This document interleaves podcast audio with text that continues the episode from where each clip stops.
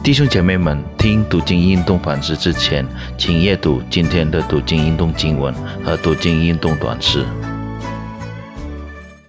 亲爱的弟兄姐妹平安，今天我们再一次可以一起反思和思想神的话，感谢神，也感谢神，我们进入了第二十一日，在新的一年，就是二零二三年，明天就是春节的第一天。所以今晚大家一定一家人在团圆享受晚餐的三四晚。这里我首先祝大家春节蒙恩，希望大家更加认识上帝，而更加爱上帝。我们今天要一起思想的主题是父母、孩子、上帝。预备我们的心，来，我们一起祷告。天父上帝，与感恩的心，我们要称谢你，应你一切的美好，不断的照顾、供应、保护与安慰我们。今天我们在农历的最后一天，我们还可以享受一切，是你极大的恩典。谢谢神，主啊，这时候。我们要学习你的话语，求你带领我们，可以明白你的话语，不单明白，也以顺服的心遵行你的旨意。我们感谢祷告，是奉靠主耶稣基督的名，阿门。我们今天要阅读的经文是取自于创世纪二十二章，可是我们。一起只读第二十二章第一节到第九节。神的话如此说：这些事以后，神要试验亚伯拉罕，就呼叫他说：“亚伯拉罕。”他说：“我在这里。”神说：“你带着你的儿子，就是你独生的儿子，你所爱的以撒，往莫里亚地去。”在我所要指示你的山上，把它献为燔祭。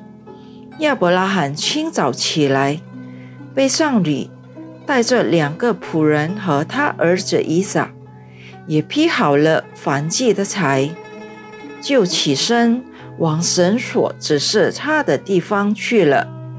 到了第三日，亚伯拉罕举目远远的看见那地方。亚伯拉罕对他的仆人说：“你们合理在此等候，我与童子往那里去拜一拜，就回到你们这里来。”亚伯拉罕把凡祭的柴放在他儿子以撒身上，自己手里拿着火一刀，以是二人同行。以撒对他父亲亚伯拉罕说：“父亲啊！”亚伯拉罕说：“我儿，我在这里。”以撒说：“请看，火与柴都有了，但燔祭的羊羔在哪里呢？”亚伯拉罕说：“我儿，神必自己预备他燔祭的羊羔。”于是二人同行。神的话读到此为止。亲爱的弟兄姐妹。亲子关系跟上帝有关系吗？是的，每个父母都需要意识到，孩子是上帝赐予的礼物。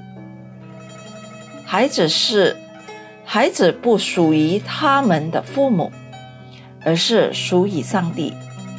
父母教育孩子成功与否，全在于上帝的恩典。父母对孩子的主要责任。是让孩子认识上帝。如果父母认为对孩子的责任只是提供足够的物质上的需要，预备好孩子找到能带来更多金钱的工作，那就是大错特错了。家庭中孩子的存在必须使上帝得到荣耀，因此。不足为奇。今天的圣经阅读表明了上帝必须优先于孩子。上帝要亚伯拉罕将以撒，他从撒拉生的儿子，献为反祭。在这件事件中，亚伯拉罕向亚伯、向以撒表明，必须顺从上帝，并把上帝据首位。亚伯拉罕清早起床，准备献为燔祭的材料，然后立即前往摩利亚地区，在那里，他要将以撒献为燔祭。当以撒问：“燔祭的羊羔在哪里呢？”我们可以想象亚伯拉罕的痛苦。在这种情况下，他满怀信心的回答说。上帝必预备。当他到达目的地时，亚伯拉罕终于必须坦白以撒将献为献为燔祭。以撒没有抗议。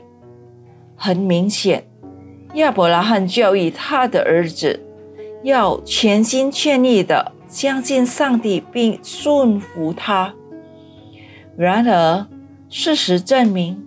上帝真的实现了亚伯拉罕的信心，提供了一只羊羔公羊作为燔祭，带来代替以撒。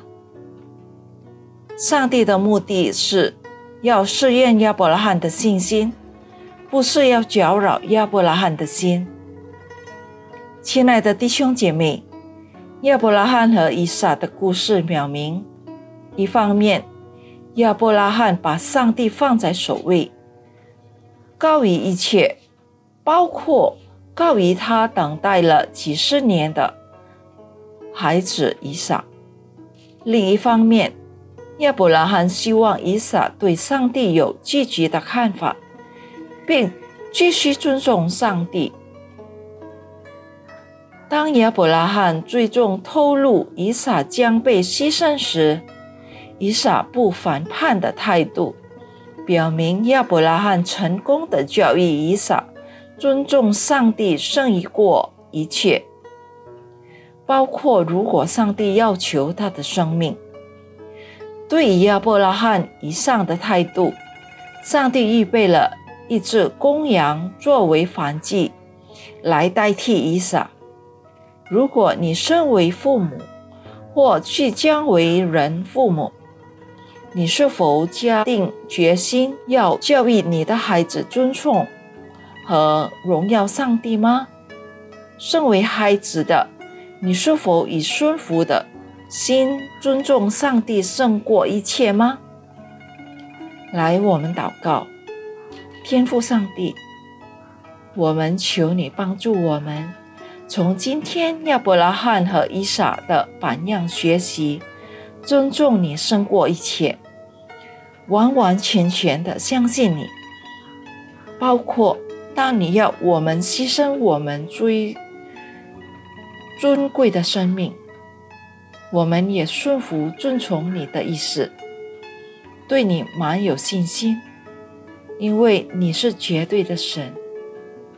当父母的，我们带领孩子认识上帝，而且相信上帝；当孩子的。我们学习顺服、尊敬上帝。我们如此祷告，是奉靠主耶稣基督的名。阿门。愿神赐福大家。我们以后再会。